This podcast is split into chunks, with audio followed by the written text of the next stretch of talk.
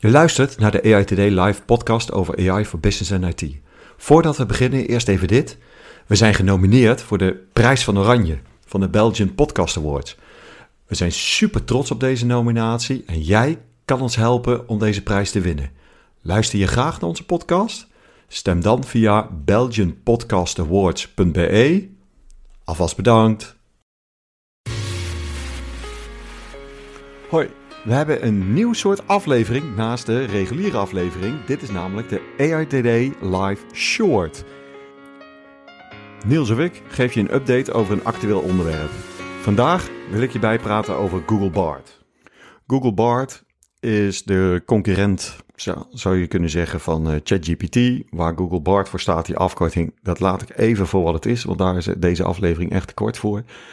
En uh, aangekondigd op 6 februari en nu beschikbaar in 180 landen, 40 talen. En net als ChatGPT kan je als een conversatie, kan je ermee spreken, kan je prompts uh, opstellen, krijg je antwoorden terug. Verschil is met ChatGPT, een van de dingen is dat Bart uh, daadwerkelijk informatie al ophaalt van het internet.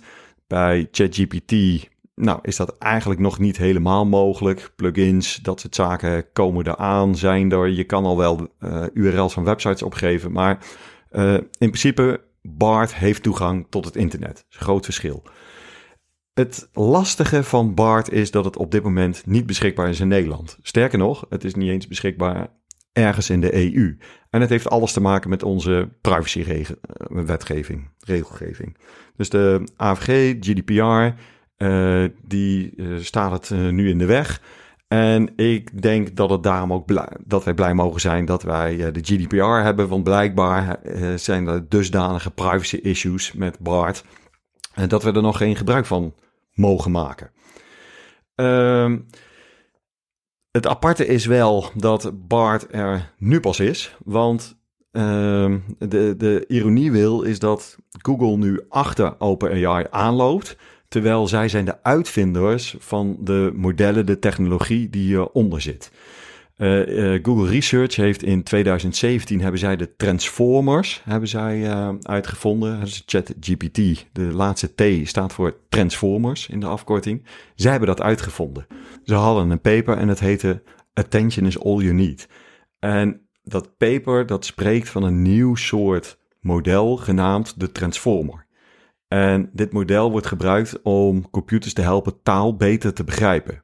Dus voor Transformers waren er andere programma's die computers gebruikten om taal te begrijpen. Of modellen moet ik eigenlijk zeggen. En deze modellen hadden moeite met het begrijpen van lange zinnen, zoals je die in een boek of artikel tegenkomt. De Transformer is juist gemaakt om te helpen met dat probleem. Dus de Transformer werkt anders dan die andere modellen. Dus in plaats van zich op slechts één woord tegelijk te concentreren, kijkt het naar een hele zin tegelijk. Het doet dit door gebruik te maken van iets dat een mechanisme voor zelfaandacht wordt genoemd. Dat lijkt op een schijnwerper die op de belangrijke delen van een zin schijnt. Dit helpt de computer om de betekenis van een zin beter te begrijpen, zelfs als deze erg lang of ingewikkeld is. Een van de geweldige dingen van een transformer is dat hij heel snel kan leren. Dat is ook echt heel anders. Dat betekent dat het in de loop van de tijd beter kan worden in het nou ja, begrijpen of het zoeken, vinden van patronen van taal, in taal. Het is ook erg goed in het doen van dingen met, met taal, zoals vertalen van de ene taal naar de andere of uitzoeken uh, ja, wat iemand bedoelt met wat er geschreven wordt. Over het algemeen is namelijk Transformer een grote stap voorwaarts om taal effectiever te uh, begrijpen en te gebruiken. Dus dat is wel apart, zeg maar, dat ja, Google daar nu pas mee komt. En dat, dat doet me heel erg denken. Ik loop al wat langer mee uh, in de IT aan, uh, aan Microsoft. Die heeft ook heel lang gedacht in, in, de jaren negentig van oh, dat internet, dat zal zo'n vaart nog niet lopen. totdat ze erachter kwamen dat ze er veel te laat mee waren. En het vervolgens werkelijk waar in alles stopte. Nou, dat uh, dus in Word, Excel, je kon uh, op de gekste manieren kon je in het web gaan browsen. Nou, dat gaan we nu ook zien met Google. Dus wat we gaan doen is het in, nou ja, in, in, al die producten, hè, in, in, in een Docs, in een Sheets, applicaties, overal, in de, uiteraard in Google Search gaat het geïntegreerd worden. Helaas voor ons kunnen wij het niet uitproberen? Uh, mogen we het niet uitproberen? Uh, maar je ziet dat nou ja, ze gaan nu echt de concurrentie aan met OpenAI. En dat zal voor een nog verdere versnelling zorgen voor wat we nu eigenlijk allemaal al zien. Wat Google nu bijvoorbeeld al gedaan heeft, zijn meerdere modellen aan elkaar gekoppeld. Je bent vastgewend dat je tegen een Google Assistant al kan praten.